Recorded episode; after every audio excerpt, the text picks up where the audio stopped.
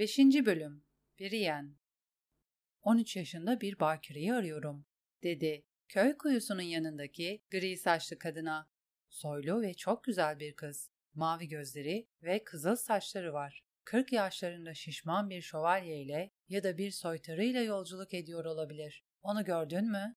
Parmaklarıyla alnını ovuşturarak, hatırladığım kadarıyla hayır sir, dedi kadın. Ama gözümü açık tutarım, bunu yaparım. Onu demirci de görmemişti. Köy septindeki rahip, domuzlarını gezdiren çoban, bahçesinden soğan toplayan kız da. Tarç bakiresinin, Rosby'nin kerpiç kulübeleri arasında bulduğu basit insanların hiçbiri onu görmemişti. Fakat Brian sebat etti. Gölgeli Vadi'ye giden en kısa yol bu, dedi kendine. Eğer Sansa bu yoldan geçtiyse biri onu görmüş olmalı. Kale kapılarında aynı soruyu iki mızrakçıya sordu. Adamların arması, kakım üstünde üç kırmızı zikzak gösteriyordu. Rosby hanedanının arması. Eğer kız bugünlerde yoldaysa uzun süre bakire kalamaz, dedi daha yaşlı olan mızrakçı. Daha genç olan, kızın bacaklarının arasında da kızıl tüyler olup olmadığını sordu. Burada yardım bulamayacağım. Biriyen, tekrar atına bindiği sırada köyün diğer ucunda benekli bir atın sırtında oturan sıska bir çocuk gördü. Bununla konuşmadım diye düşündü. Ama çocuk septin arkasında kayboldu. Biriyen çocuğun peşinden gitme zahmetine girmedi. Büyük ihtimalle diğerlerinden fazla bir şey bilmiyor. Rosby, yol üstündeki geniş bir yerdi sadece. Sansa'nın burada oyalanması için bir sebep yoktu. Biriyen yola dönerek kuzeydoğuya doğru ilerledi. Elma bahçelerinden ve arpa tarlalarından geçti. Kısa zaman sonra köyü ve Kari'nin kuyusunu arkada bıraktı. Aradığı avı gölgeli vadide bulacaktı. Eğer Sansa bu yoldan geçtiyse, kızı bulacağım ve onu güvende tutacağım diye söz vermişti Brienne Sir Jaime'ye. Lady annesinin hatırına ve senin hatırına. Soylu kelimelerdi fakat kelimeler kolaydı, fiiller ise zor. Brienne şehirde fazlasıyla oyalanmış ve çok az şey öğrenmişti. Daha önce yola koyulmalıydım. Ama nereye doğru? Sansa Stark, Kral Joffrey'nin öldüğü gece kaybolmuştu. Onu o zamandan bu yana gören ya da nereye gittiğiyle ilgili bir fikri olan varsa bile kimse konuşmuyordu. En azından bana. Brienne kızın şehirden ayrıldığına inanıyordu. Sansa hala kral topraklarında olsaydı altın peleriniler onu ortaya çıkarırdı. Kız başka bir yere gitmek zorundaydı. Ama başka bir yer büyük bir yerdi. Yeni çiçek açmış, yalnız, korkmuş ve müthiş bir tehlikenin içinde bir bakir olsaydım ne yapardım? diye sordu Brienne kendine. Nereye giderdim? Cevap onun için kolaydı. Tarta geri dönerdi babasına. Fakat Sansa'nın babası onun gözlerinin önünde kafası kesilerek öldürülmüştü. Lady annesi de ikizlerde katledilmişti ve kış yarı Starkların muazzam hisarı yağmalanıp yakılmıştı. İnsanları kılıçtan geçirilmişti. Sansa'nın gidecek bir evi, babası, annesi, kardeşleri yok. Kız bir sonraki kasabada ya da aşağıya giden bir gemide olabilirdi. Bir seçenek en az diğeri kadar mümkün görünüyordu. Sansa Stark evine gitmek istemiş olsa bile oraya nasıl giderdi? Kral yolu güvenli değildi. Bunu bir çocuk bilebilirdi. Boğazın karşısındaki Mot Caelan demir doğumluların elindeydi ve ikizlerde Sansa'nın ağabeyini ve Lady annesini öldüren Freyler vardı. Kız, sikkesi olsa deniz yolunu kullanabilirdi. Fakat kral topraklarındaki liman hala harabe halindeydi. Nehir yıkık rıhtımlardan ve batık kadırgalardan ibaret bir karmaşaydı. Biriyen iskeleler boyunca soruşturmuştu. Ama kimse Kral Joffrey'nin öldüğü gece limandan ayrılan bir gemi hatırlamıyordu. Bir adam koya demir atan birkaç ticaret gemisinin küçük teknelerle yük boşalttığını söylemişti. Ama gemilerin çoğu kıyıyı yukarı doğru takip ederek limanı her zamankinden daha hareketli olan Gölgeli Vadi'ye gidiyordu. Birinin kısrağı güzeldi ve iyi bir tempo tutturmuştu. Yolda tahmin ettiğinden fazla yolcu vardı. Yalvaran kardeşler boğazlarına taktıkları sırımlardan sarkan küreler yüzünden ağır ağır ve sallanarak yürüyordu.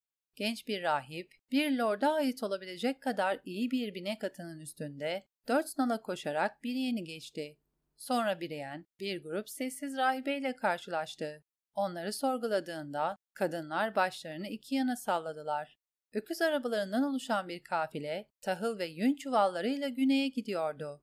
Brienne daha sonra domuzlarını güden bir domuz çobanının ve aslı muhafızlar tarafından korunan bir arabada yolculuk eden yaşlı bir kadının yanından geçti. İnsanların hepsine 13 yaşında, mavi gözlü, kızıl saçlı, soylu bir kız görüp görmediklerini sordu. Hiçbiri görmemişti. Biriyen önündeki yolla ilgili sorular da sordu. Burayla Gölgeli Vadi arası yeterince güvenli, dedi bir adam. Ama Gölgeli Vadi'den sonra haydutlar ve ormanlarda ıskartalar var. Sadece çamlar ve muhafızı ağaçları hala yeşildi. Geniş yapraklı ağaçlar, kızıl ve altın rengi pelerinler giymiş ya da kahverengi ve çıplak dallarıyla gökyüzünü tırmalamak için soyunmuşlardı. Rüzgarın her esişi, tekerlek izleriyle dolu yoldan ölü yaprak bulutları havalandırıyordu. Yapraklar, Jamie Lannister'ın Brienne'e bağışladığı Doru kısrığın toynaklarının altında hışırdıyordu. Rüzgarın içinde bir yaprak bulmak, Batı diyarda kaybolmuş bir kızı bulmak kadar kolay. Brienne, Jaime Lannister'ın ona bu görevi zalimane bir şaka olarak mı verdiğini merak etti. Belki de Sansa Stark ölmüştü. Kral Joffrey'nin ölümünde oynadığı rol yüzünden kafası kesilmişti ve kız isimsiz bir mezara gömülmüştü. Kızın cinayeti, tarttan gelen iri ve aptal bir fahişeyi kızı bulmak üzere göndermekten daha iyi bir şekilde örtbas edilebilir miydi? Jamie bunu yapmaz. Samimiydi. Bana kılıcı verdi. Ona yeminkar adını taktı. Aslında bir şey değişmezdi. Brienne, Lady Catelyn'e kızlarını ona geri götüreceğine dair söz vermişti ve hiçbir söz bir ölüye verilmiş söz kadar kutsal değildi. Jamie, küçük olan kızın çoktan öldüğünü iddia etmişti. Lannister'ların Rose Bolton'un Pitchy evlenmek üzere kuzeye gönderdiği Arya sahteydi. Sadece Sansa kalmıştı. Brienne onu bulmak zorundaydı. Akşama doğru bir derenin kenarında bir kamp ateşi gördü. İki adam ateşin yanına oturmuş alabalık kızartıyordu. Silahlarını ve zırhlarını bir ağacın altına yığmışlardı. Adamlardan biri yaşlıydı. Biri biraz daha gençti. Fakat genç olmaktan çok uzaktı. Daha genç olan biri yeni karşılamak için ayağa kalktı. Adamın büyük göbeği maral derisinden yapılmış, lekeli yeleğinin bağcıklarını zorluyordu. Yanaklarını ve çenesini eski altın renginde kabarık ve dağınık sakallar örtüyordu. Üç kişiye yetecek kadar alabalığımız var sir, diye seslendi adam. Biriyen ilk kez bir erkekle karıştırılmıyordu. Büyük miğferini çıkardı, saçlarını serbest bıraktı. Saçları sarıydı, kirli saman rengiydi ve en az saman kadar kırılgandı. Uzun ve ince saçlar Brienne'in omuzlarına döküldü. Teşekkür ederim sir. Vasıfsız şövalye gözlerini kısarak dikkatle Brienne'e baktı. Brienne adamın uzağı göremediğini fark etti. Bir lady, öyle mi? Silahlı ve zırhlı. Öyle. Tanrılar merhamet edin. Cüssesine bir bak. Ben de bir şövalye olduğunu sandım, dedi yaşlı adam balıkları çevirirken. Brienne bir erkek olsaydı onun için iri denirdi ama bir kadın için devasaydı. Ömrü boyunca duyduğu kelime ucubeydi. Omuzları genişti, kalçaları daha da geniş. Bacakları uzundu, kolları kalın. Göğsünde memeden çok kas vardı. Elleri büyüktü, ayakları kocaman. Üstelik çirkindi bir yen. Ata benzeyen benekli bir yüzü ve ağzına büyük geliyormuş gibi görünen dişleri vardı. Bunların hiçbirinin ona hatırlatılmasına gerek yoktu. Sörler, dedi Brienne. Yolda 13 yaşında bir kız gördünüz mü? Mavi gözlü, kızıl saçlı bir kız. 40 yaşlarında şişman ve kırmızı suratlı bir adamla yolculuk ediyor olabilir. Uzağı göremeyen vasıfsız şövalye başını kaşıdı. Böyle bir kız hatırlamıyorum. Kızıl nasıl bir saçtır? Kahve rengine dönük kırmızı, dedi yaşlı olan adam. Hayır, onu görmedik. Onu görmedik Leydim, dedi daha genç olan. Gelin, atınızdan inin. Balıklar neredeyse pişti. Aç mısınız? Biriyen aslında açtı ama aynı zamanda temkinliydi. Vasıfsız şövalyelerin kötü bir şöhreti vardı. Bir vasıfsız şövalye ve bir hırsız şövalye aynı kılıcın iki kenarıdır denirdi. Bu ikisi çok tehlikeli görünmüyor. İsimlerinizi öğrenebilir miyim söyler? Ben şarkıcıların bahsettiği Sir Craydon Lambo olma onuruna sahibim, dedi büyük göbekli adam. Karasu'daki kahramanlıklarımı duymuşsunuzdur belki. Arkadaşım Sir Metelexis Elifer. Craydon Lambo hakkında bir şarkı varsa bile Brienne o şarkıyı duymamıştı. Adamların isimleri tıpkı armaları gibi ona bir şey ifade etmiyordu. Sir Craydon'ın yeşil kalkanında kahverengi bir şerit ve bir savaş baltası tarafından açılmış derin bir yarık vardı. Sir Elifer düz çizgilerle sekiz üçgene bölünmüş altın ve kakın bir kalkana sahipti. Ama boyanmış altın ve boyanmış kakım adamın sahip olduğu tek altın ve tek kakım türüymüş gibi görünüyordu. Adam en az 60 yaşındaydı. Kaba yünden yapılmış, yamalı pelerininin başlığının altındaki yüzü zayıf ve dardı. Paslı bir örgü zırh giymişti. Biriyen her iki adamdan da bir baş uzundu. Üstelik atı ve zırhı onlarınkinden daha iyiydi. Eğer bunlar gibilerden korkarsam uzun kılıcımı bir çift örgü ipiyle değiştirmem gerekir. Size teşekkür ederim iyi söyler, dedi Brienne. Balığınızı memnuniyetle paylaşırım. Atından inip hayvanın eğrini çıkardı. Kısrağı suladı ve otlaması için serbest bıraktı. Silahlarını, kalkanını ve eğer heybelerini bir kara ağacın altına yığdı. O sırada alabalıklar çıtır çıtır kızarmıştı. Sir Craydon, Brienne'e bir balık getirdi. Brienne yemek için yere oturup bağdaş kurdu. Kendi balığını parmaklarıyla ayırırken, ''Gölgeli Vadi'ye doğru gidiyoruz Leydim.'' dedi Lambo. ''Bizimle birlikte yolculuk ederseniz iyi yapmış olursunuz. Yollar çok tehlikeli. Brienne, yolların tehlikeleri hakkında adamın bilmek istediğinden çok daha fazlasını anlatabilirdi. Teşekkür ederim sir, lakin korumanıza ihtiyacım yok. Israr ediyorum, gerçek bir şövalye kendisinden daha hassas olan cinsiyeti korumalıdır. Brienne, kılıcının kabzasına dokundu. Bu beni korur sir. Bir kılıç ancak onu savuran adam kadar iyidir. Onu yeterince iyi savuruyorum. Eminim öyledir. Bir lady ile tartışmak saygısızlık olur. Sizi sağ salim gölgeli vadiye götüreceğiz. Üç kişi tek kişiden daha güvenli yol alır. Nehirova'dan ayrılırken üç kişiydik. Ama Jamie elini kaybetti. Sir Claes de hayatını. Atlarınız benimkini ayak uyduramaz. Sir Craydon'ın kahverengi dişi, çapaklı gözleri olan çökük sırtlı bir yaratıktı ve Sir Elifer'ın sıska atı açlıktan kırılacakmış gibi görünüyordu. Küheylan'ım Karasu'da bana gayet iyi hizmet verdi, diye ısrar etti Sir Craydon. Orada büyük bir katliam gerçekleştirdim ve bir düzine fidye kazandım. Sir Herbert Bolling'i tanır mıydınız Leydim? Onunla asla tanışamazsınız artık. Onu durduğu yerde katlettim. Kılıçlar çarpıştığında Sir Craydon Lambo asla arkalarda olmaz. Adamın arkadaşı kuru bir kahkaha koyuverdi. Cray, kes şunu. Onun gibilerin bizim gibilere ihtiyacı yoktur. Benim gibiler? Brienne adamın ne demek istediğinden emin olamadı. Sir Elifer kemikli parmağıyla Brienne'in kalkanını gösterdi. Boyası çatlamış ve dökülmüş olmasına rağmen kalkanın taşıdığı arma açıkça ortadaydı. Sol üst köşeden sağ alt köşeye bir çizgiyle bölünmüş, yarısı altın ve yarısı gümüş zemin üstünde siyah bir yarasa. Bir yalancının kalkanını taşıyorsun ve buna hakkın yok. Büyük babamın büyük babası son Lafson'un öldürülmesine yardım etti. O zamandan beri kimse onu taşıyanların amelleri kadar kara olan yarasayı taşımaya cesaret edemedi. Kalkan, Sir Jamie'nin Harrenhal silahhanesinden aldığı kalkandı. Brienne bunu kısrak ve daha pek çok şeyle birlikte ahırda bulmuştu. Eğer ve dizgin, örgü zırh ve göz siperli büyük miğfer, altın ve gümüş keseleri, keselerin her ikisinden de daha değerli bir parşömen. Kendi kalkanımı kaybettim, diye açıkladı Brienne.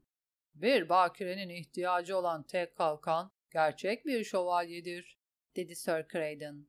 Sir Elifer onu önemsemedi.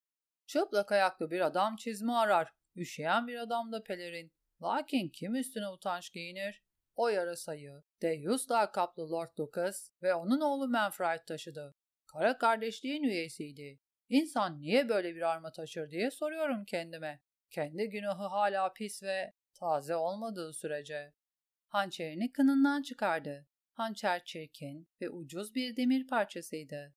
Gerçek renklerini saklayan, korkunç iri ve korkunç güçlü bir kadın. Cray, Renly'nin soylu boğazını kesen Tart bakiresiyle tanış. Bu bir yalan. Renly Baratheon, Brienne için sadece bir kral değildi. Brienne, reşit oluşunu kutsamak üzere bir lord olarak çıktığı resmi yolculuk sırasında tarta gelen Renly'yi ilk gördüğü andan itibaren sevmişti. Brienne'in babası Renly'yi bir ziyafetle karşılamış ve kızının ziyafete iştirakini emretmişti. Bu emir olmasaydı Brienne yaralı bir hayvan gibi odasında saklanırdı.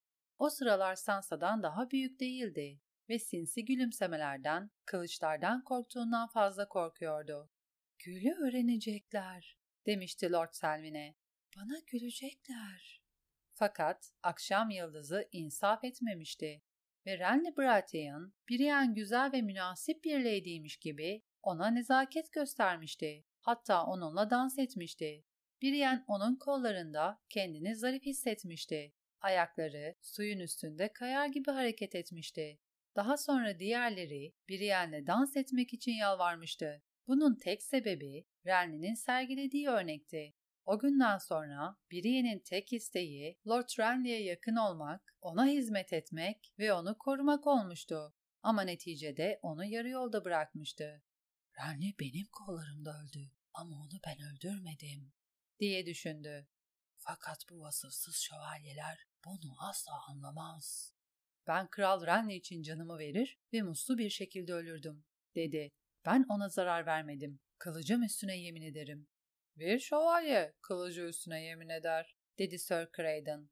Yedi üstüne yemin et, diye ısrar etti Sir Meteliksiz Elifer.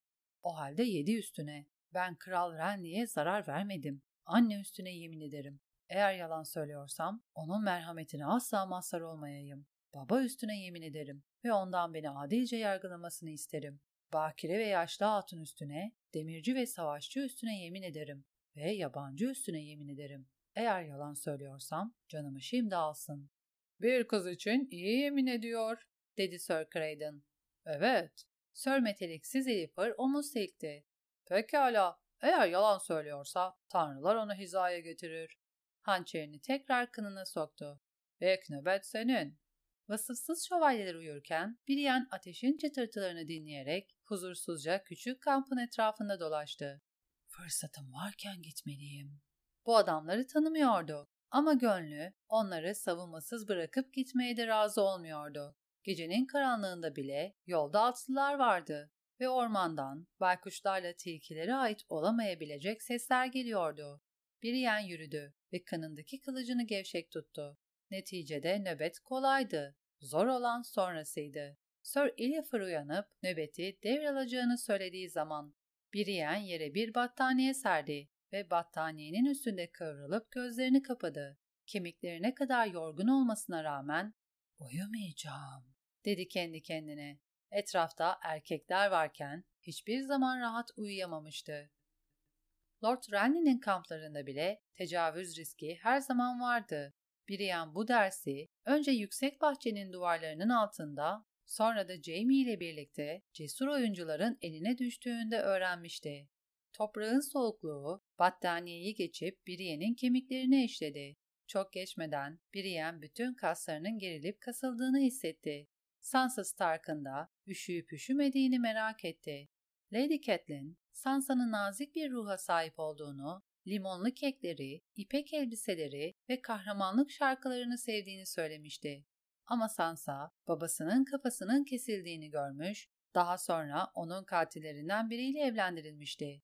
Anlatılan hikayelerin yarısı bile doğruysa, Cüce, Lannister'ların en zalimiydi. Eğer Sansa, Kral Joffrey'i gerçekten zehirlediyse, onu bunu yapmaya hiç şüphesiz iblis zorlamıştır. Sansa o sarayda yalnız ve dostsuzdu. Brienne, kral topraklarında Sansa'nın hizmetçilerinden birini bulmuştu. Brella isimli bir kadın.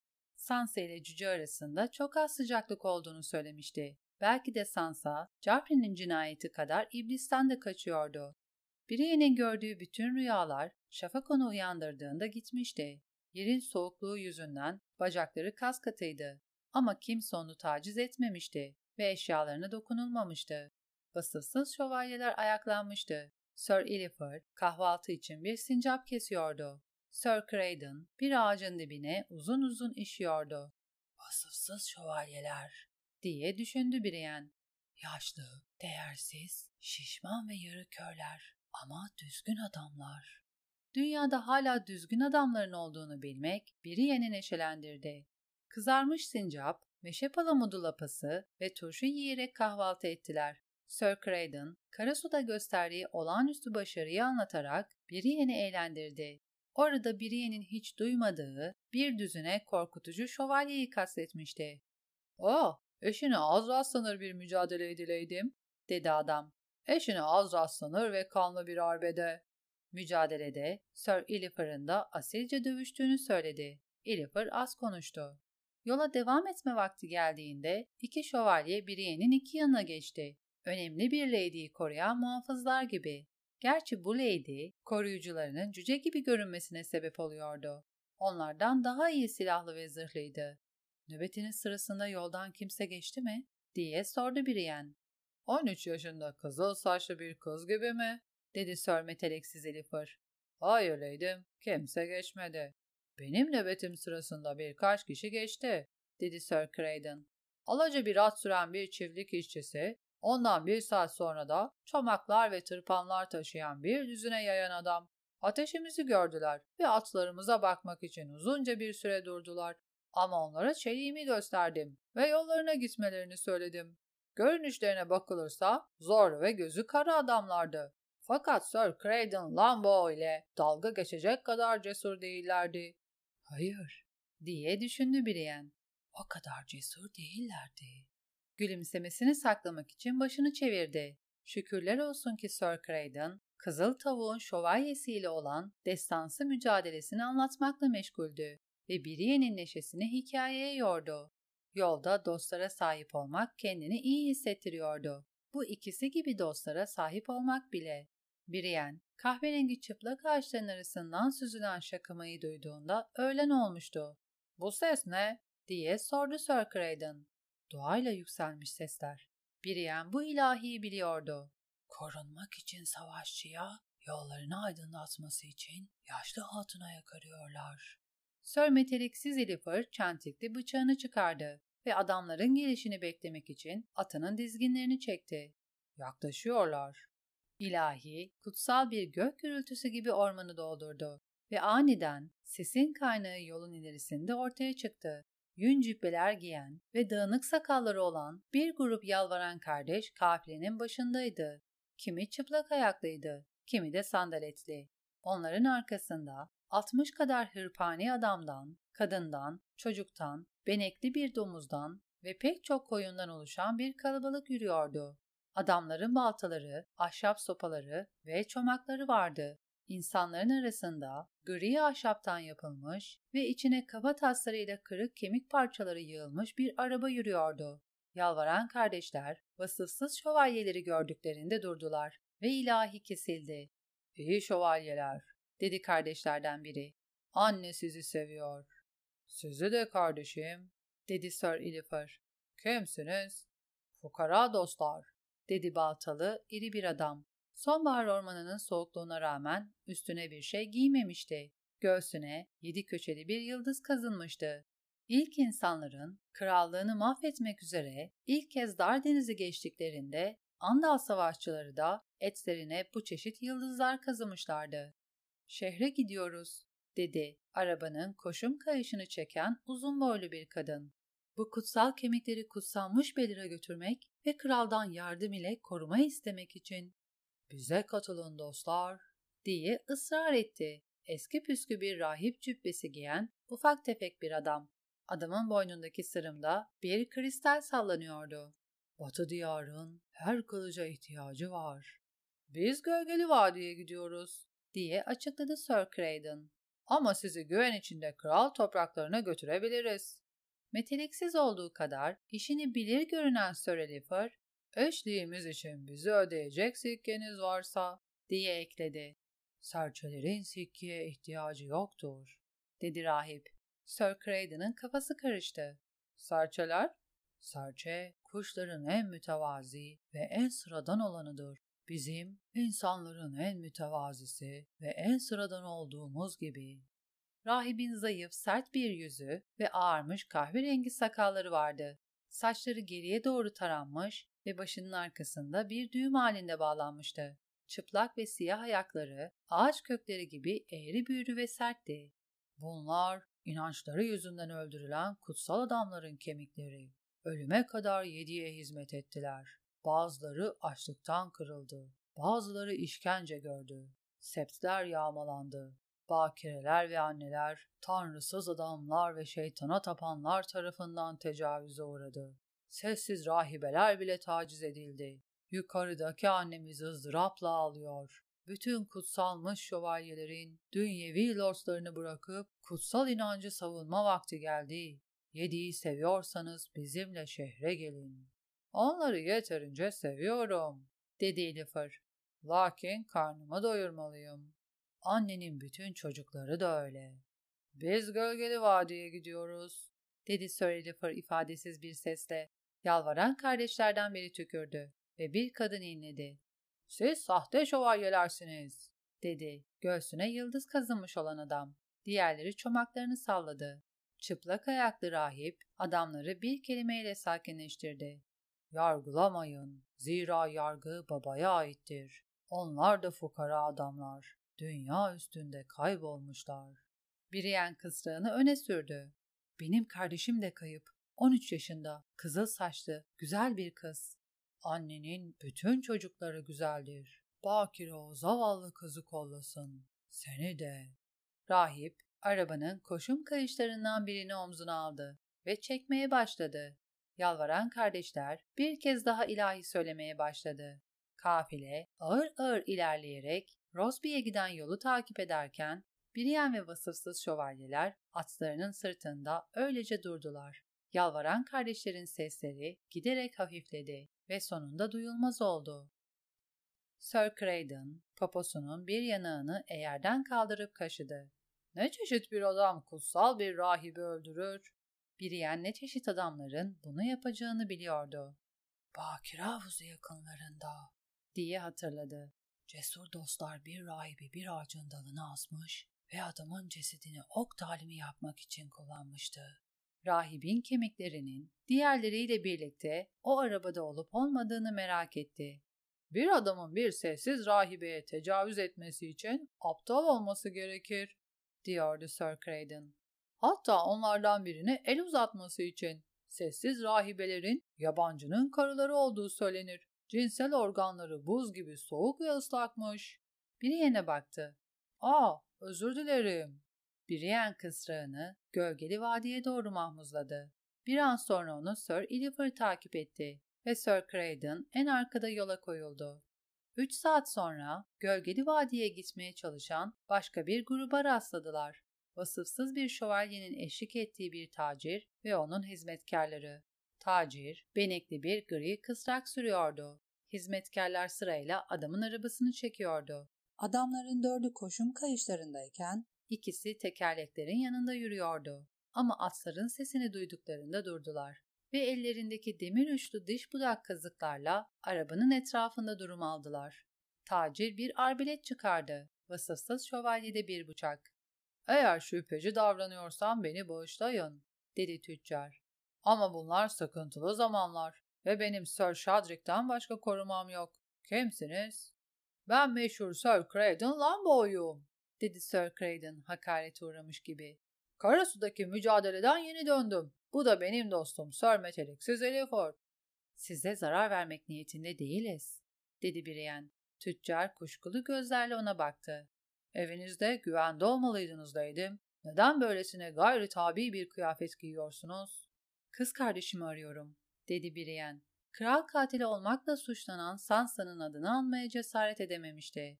Soylu ve güzel bir kız. Mavi gözleri ve kızıl saçları var. Onu 40 yaşlarında şişman bir şövalyenin ya da sarhoş bir soytarının yanında görmüş olabilirsiniz. Yollar sarhoş soytarılarla ve zorla alıkoyulan bakirelerle dolu. Şişman şövalyelere gelince böylesine büyük bir kıslık varken bir adamın göbeğini yuvarlak tutması zor. Ama görünüşe göre sizin Sir Craydon açlık çekmemiş. Benim kemiklerim iri, dedi Sir Craydon. Bir süre birlikte az sürelim mi? Sir Shadrick'in yiğitliğinden şüphe etmiyorum. Lakin kendisi pek ufak tefek görünüyor. Üstelik üç bıçak tek bıçaktan iyidir. Dört bıçak diye düşündü Brienne ama dilini tuttu. Tacir korumasına baktı. Ne diyorsunuz Sir? Ah, bu üçünün korkulacak bir tarafı yok. Kestane rengi, uzun bacaklı bir at süren Sir Shadrick, zayıf ve tilki suratlı bir adamdı. Sivri bir burnu ve bir tutam turuncu saçı vardı. 1.60'dan uzun olmamasına rağmen kendisinden çok emin ve ukala bir tavırla konuşuyordu. Biri yaşlı, öteki şişman, iri olan da bir kadın. Bırakın gelsinler. Dediğin gibi olsun. Tüccar arbeletini indirdi. Kaldıkları yerden yola devam ettiklerinde parayla tutulmuş şövalye geride kaldı ve tuzlanmış bir domuza bakar gibi tepeden tırnağa bir yerine baktı. Güçlü, kuvvetli ve sağlıklı bir fahişesindirim. Sir Jamie'nin alayları bir yeni bıçak gibi kesiyordu. Ama bu küçük adamın sözleri ona hiç dokunmadı. Bazılarıyla kıyaslanınca bir devim. Adam güldü. Büyük olması gereken yerlerim yeterince büyük, fahişe. Tacir sana Şadrik dedi. Karanlık vadiden Sir Şadrik, bazıları bana deli fare der. Şadrik, armasını göstermek için kalkanını çevirdi. Mavi zemindeki kahverengi dalgalı şeritlerin üstünde kırmızı gözlü, büyük, beyaz bir fare. Kahverengi, gezdiğim toprakları simgeliyor. Mavi de geçtiğim nehirleri. Fare, benim. Peki deli misin? Aa, epey. Sizin sıradan fareleriniz kandan ve mücadeleden kaçar. Deli fare onları arar. Onları nadiren buluyormuş gibi geldi bana. Yeterince buluyorum. Doğru. Ben turnuva şövalyesi değilim. Cesaretimi muharebe meydanı için saklarım kadın. Kadının fahişeden biraz daha iyi olduğunu düşündü Brienne. Öyleyse senin ve iyi Sir Craydon'ın epey ortak noktası var. Sir Shadrick güldü. Ah, bundan şüpheliyim. Ama sen ve ben bir macerayı paylaşabiliriz. Kayıp bir kardeş, öyle mi? Mavi gözlü ve kızıl saçlı. Tekrar güldü. Ormandaki tek avcı sen değilsin. Ben de Sansa Stark'ı arıyorum. Brienne, şaşkınlığını gizlemek için yüzünü bir maske kadar ifadesiz tuttu. Sansa Stark kim ve onu neden arıyorsun? Aşk için. Başka ne için olacak? Brienne alnını karıştırdı. Aşk mı? Evet, altın aşkı. Şu iyi Sir Craydon'un aksine ben Karasu'da gerçekten savaştım. Lakin kaybeden taraftaydım. Fedyen beni mahvetti. Biris'in kim olduğunu bildiğine inanıyorum. Adım şu senin hiç duymadığın kız için koca bir torba altın vaat etti. Ben aç gözlü bir adam değilim. Eğer iri bir fahişe o yaramaz çocuğu yakalamama yardım edecekse örümceğin sikkelerini onunla paylaşırım. Şu tacirin hizmetinde olduğunu sanıyordum. Sadece gölgeli vadiye kadar. Habalt korkak olduğu kadar cimri ve kendisi çok korkak. Ne diyorsun fahişe? Ben Sansa Stark diye birini tanımıyorum diye ısrar etti Brienne. Ben kız kardeşimi arıyorum. Soru bir kız. Mavi gözleri ve kızıl saçları var. Evet. Tanrılar aşkına. Kardeşinle birlikte yolculuk eden o şövalye kim? Yoksa ona soytarı adını mı verdin? Sir Shadrick bir cevap almak için beklemedi. Bu iyiydi. Çünkü Brienne'in verecek cevabı yoktu. Kral Joffrey'nin öldüğü gece kral topraklarından malum bir soytarı kayboldu. Çatlak damarlarla dolu bir burnu olan tıknaz bir adam. Bir zamanlar gölgeli vadide yaşayan Sir Kırmızı Dantos. Umarım senin kardeşin ve onun sarhoş soytarısı Stark kızıyla ve Sir Dantos'la karıştırılmaz. Bu büyük talihsizlik olur. Vasıfsız şövalye süvari atını mahmuzladı ve grubun önüne doğru ilerledi. Jamie Lannister bile Briene'in kendisini bu kadar aptal hissetmesine sebep olmamıştı. Ormandaki tek avcı sen değilsin. Briella denen kadın, Joffrey'nin Sir Dantos'u nasıl rütbelerinden ettiğini ve Lady Sansa'nın adamın hayatını kurtarmak için Joffrey'e nasıl yalvardığını Brienne'e anlatmıştı. Brienne bu hikayeyi duyduğunda Dantos kızın kaçmasına yardım etmiş diye karar vermişti. Sir Dantos'u bulursam Sansa'yı da bulurum. Aynı şeyi düşünen başka insanların da olacağını tahmin etmeliydi. O insanlardan bazıları Sir Shadrick'ten bile ahlaksız olabilirdi. Brienne sadece Sir Dantos'un Sansa'yı iyi sakladığını umabilirdi. Ama eğer öyleyse kızı nasıl bulacağım? Brienne kamburlaştı ve kaşlarını çatarak yola devam etti. Kafile bir hana rast geldiğinde akşam olmak üzereydi. Han, bir nehir kavşağının yanında eski bir taş köprünün üzerinde duran uzun ahşap bir yapıydı. Sir Craydon, Han'ın adının eski taş köprü olduğunu söyledi. Hancı onun arkadaşıydı. Fena aşı değildir ve odalarda fazla bit yoktur, diye garanti verdi. Kim geceyi sıcak bir yatakta geçirmek ister? Biz istemeyiz. Arkadaşın odaları bedavaya vermeyecekse, dedi Sir meteliksiz Elifer. Sikkemiz yok. Ben üçümüz için de ödeyebilirim. Brienne'in sikke sıkıntısı yoktu. Jamie o meseleyle ilgilenmişti. Eğer heybesinde gümüş geyiklerle ve bakır yıldızlarla dolu bir torba buldu. Daha küçük bir torbada altın ejderhalar ve bir parşömen vardı. Kralın bütün sadık kullarına, majesteleri kralın işiyle ilgilenen, taçlı bir yeğene yardım etmelerini emreden parşömen. Andalların, Roynarların, ilk insanların kralı, bu isimle anılan ilk kral ve yedi krallık lordu Tamma'nın çocuksu yazısıyla imzalanmıştı. Harbalt'ta durmaktan yanaydı. Adamlarını arabayı ahırın yakınına bırakmalarını emretti. Hanın pencerelerindeki elmas şekilli camlardan sıcak ve sarı ışıklar süzülüyordu. Biriyen, kıstrağının kokusunu alan bir aygırın kişnediğini duydu. Bir çocuk ahırdan çıkıp, ''Bırakın ben yapayım sir.'' dediğinde Biriyen eğri gevşetiyordu. ''Ben sir değilim.'' dedi çocuğa. ''Ama atı alabilirsin. Tımarladığından, karnının doyurulduğundan ve sulandığından emin ol. Çocuk kızardı. Affedin leydim, düşündüm ki... Sık yapılan bir hata. Biriyen dizginleri çocuğa verdi ve diğerlerini takip ederek hana girdi. Tek omzunda eğer heybeleri ve bir kolunun altında uyku şiltesi vardı. Ortak salonun zemini talaşla kaplıydı. Havada bira, duman ve et kokusu vardı. Ateşin üzerindeki et parçası çıtırdıyordu. Şu anda başında kimse yoktu. Altı yerli adam bir masanın etrafında oturmuş sohbet ediyordu. Ama yabancılar içeri girdiğinde sustular. Biriyen onların bakışlarını hissedebiliyordu. Örgü zırhına, pelerinine ve yeleğine rağmen kendini çıplak hissetti. Bir adam, şuna bak dediğinde Biriyen onun Sir Shadrick'ten bahsetmediğini biliyordu. Her elinde üçer bira taşıyan ve attığı her adımda yere bira döken hancı ortaya çıktı. Adam var mı iyi adam? Diye sordu tacir. Olabilir, dedi hancı. Sikkesi olanlar için. Sir Craydon Lambo gücenmiş görünüyordu. Nagil, eski bir dostu böyle mi karşılıyorsun? Benim, Lambo. Sensin gerçekten. Bana yedi geyik borcum var. Bana biraz gümüş göster, ben de sana bir yatak göstereyim. Hancı daha fazla bire dökerek kupaları teker teker masaya koydu. Bir odanın ücretini kendim için ödeyeceğim. İkinciyi de iki arkadaşım için. Brienne, Sir Craydon'ı ve Sir Elifer'ı gösterdi. Ben de bir oda alacağım, dedi tacir. Kendim ve Sir Shadrick için. Hizmetkarlarım ahırda yatabilir, eğer memnun olursanız. Hancı konuklara şöyle bir baktı. Memnun olmam ama buna izin verebilirim. Yemek yiyecek misiniz? Ateşin üzerinde lezzetli bir keçi var. Ne kadar lezzetli olduğuna ben karar vereceğim, diye duyurdu Haybalt. Adamlarım ekmek ve etten damlayan yağ ile yetinebilir. Böylece yemek yediler. Biriyen, basamaktan tırmanan hancıyı takip ettikten, adamın eline birkaç sikke sıkıştırdıktan ve eşyalarını hancının gösterdiği ikinci odaya sakladıktan sonra keçinin tadına baktı.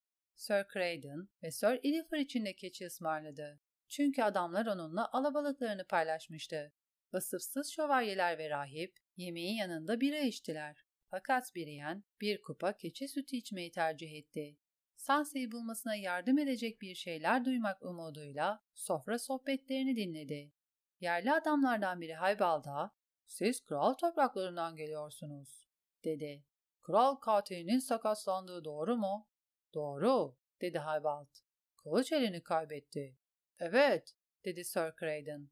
''Duyduğuma göre eli bir ulu kurt tarafından koparılmış. Kuzeyden gelen canavarlardan biriymiş. Kuzeyden asla iyi bir şey gelmez. Kuzeylilerin tanrıları bile tuhaf.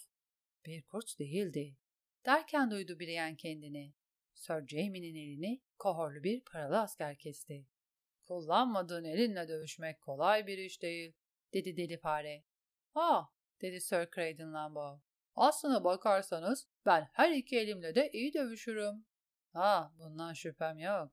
Sir Chadwick kadehini saygıyla kaldırdı. Brienne, Jaime Lannister'la ormanda yaptığı dövüşü hatırladı. Bütün yapabildiği adamın kılıcını kendinden uzakta tutmak olmuştu. Jaime, zindanda geçirdiği günler yüzünden zayıftı ve elleri zincirliydi. Gücü yerindeyken ve onu engelleyecek zincirler yokken yedi krallıktaki hiçbir şövalye Jaime'nin karşısında duramaz. Jaime birçok şeytani şey yapmıştı ama adam dövüşebiliyordu. Onu sakat bırakmak korkunç bir zalimlikti. Bir aslanı katletmek başka bir şeydi. Pençesini kesip onu eksik ve şaşkın bırakmak başka. Ortak salon bir anda, bir an daha katlanılamayacak kadar gürültülü hale geldi. Biriyen mırıldanarak iyi geceler diledi ve yatmaya gitti. Odasındaki tavan alçaktı. Elinde bir mumla içeri giren Biriyen, çömelerek yürümek ya da başına eğmek zorundaydı. Odadaki tek mobilya, altı kişinin uyuyabileceği kadar geniş bir yataktı ve pervazda iç yağından yapılmış bir mumun dibi vardı. Biriyen pervazdaki mumu elindeki ince mumla yaktı. Kapıyı sürgüledi ve kılıç kemerini yatak direklerinden birine astı. Biriye'nin kahverengi diriyle kaplanmış ahşap kılıçkını sade bir şeydi. Kılıcı daha da sadeydi. Biriyen bu silahı cesur dostların çaldığı bıçağın yerine kral topraklarından almıştı. Renly'nin kılıcı. Onu kaybettiğini bilmek hala canını yakıyordu. Ama uyku şiltesinin içine gizlenmiş bir uzun kılıç daha vardı. Biriyen yatağa oturdu ve kılıcı dışarı çıkardı. Altın, mum ışığında sapsarı ışıldadı ve yakutlar kıpkırmızı yandı. Yeminkarı süslü kanından çıkardığında Biriye'nin nefesi kesildi. Çeliğin içinde siyah ve kırmızı hareler dalgalanıyordu. Büyüyle dövülmüş Valeyra çeliği. Kahramanlara göre bir kılıçtı. Biriyen küçükken süt tanesi onun kulaklarını kahramanlık öyküleriyle doldurmuştu. Mornu Sir Gelida'nın, soytarı Florian'ın, ejderha şövalyesi Prens Aemon'ın ve diğer şövalyelerin büyük başarılarını anlatmıştı. O adamlardan her birinin meşhur kılıçları vardı ve bizzat Biriyen olmasa da yeminkar kesinlikle o gruba aitti. Ned Stark'ın kızını Ned Stark'ın kendi çeliğiyle savunacaksın demişti Jaime. Brienne yatakla duvar arasında diz çöktü. Kılıcı tuttu ve altın feneriyle insanlara hayatın yolunu gösteren yaşlı hatuna sessiz bir dua okudu. Benim rehberim ol, dedi. Yolumu aydınlat. Bana Sansa'ya giden patikayı göster. Brienne, Renly'i yüzüstü bırakmıştı. Lady Catelyn'i yüzüstü bırakmıştı. Jaime'yi yüzüstü bırakmamalıydı. Bana kılıcını teslim etti. Bana onurunu teslim etti. Sonra becerebildiğince yatağa uzandı. Yatağın eni genişti ama boyu yeterince uzun değildi. Yan enlemesine yattı. Aşağıdan gelen kadeh şıngırtılarını ve basamakları tırmanan sesleri duyabiliyordu. Lambo'un bahsettiği bitsler ortaya çıktı. Kaşınmak, Biriye'nin uyanık kalmasına yardımcı oldu. Habaldı merdiveni tırmandığını duydu. Bir süre sonra da şövalyeleri. Adını asla öğrenemedim, diyordu Sir Craydon. Ama kalkanında kan kırmızısı bir tavuk vardı ve kılıcından kan pıltıları damlıyordu. Adamın sesi uzaklaştı ve yukarıda bir yerde bir kapı açılıp kapandı. Mum tükenerek söndü. Eski taş köprünün üzerine karanlık çöktü. Han öyle durgunlaştı ki Biriyen nehri mırıltılarını duydu. Ancak o zaman kalktı ve eşyalarını topladı. Kapıyı yavaşça açtı. Etrafı dinledi ve çıplak ayaklarıyla basamakları inmeye başladı. Dışarıda çizmelerini giydi ve kısrağına yerlemek için aceleyle ahıra gitti. Atına binerken Sir Craydon'dan ve Sir Illifer'dan sessizce özür diledi. Brienne yanından geçerken Habald'ın hizmetkarlarından biri uyandı ama onu durdurmak için hareketlenmedi. Kısrağın toynakları eski taş köprünün üstünde çınladı. Sonra ağaçlar Brienne'in etrafını sardı.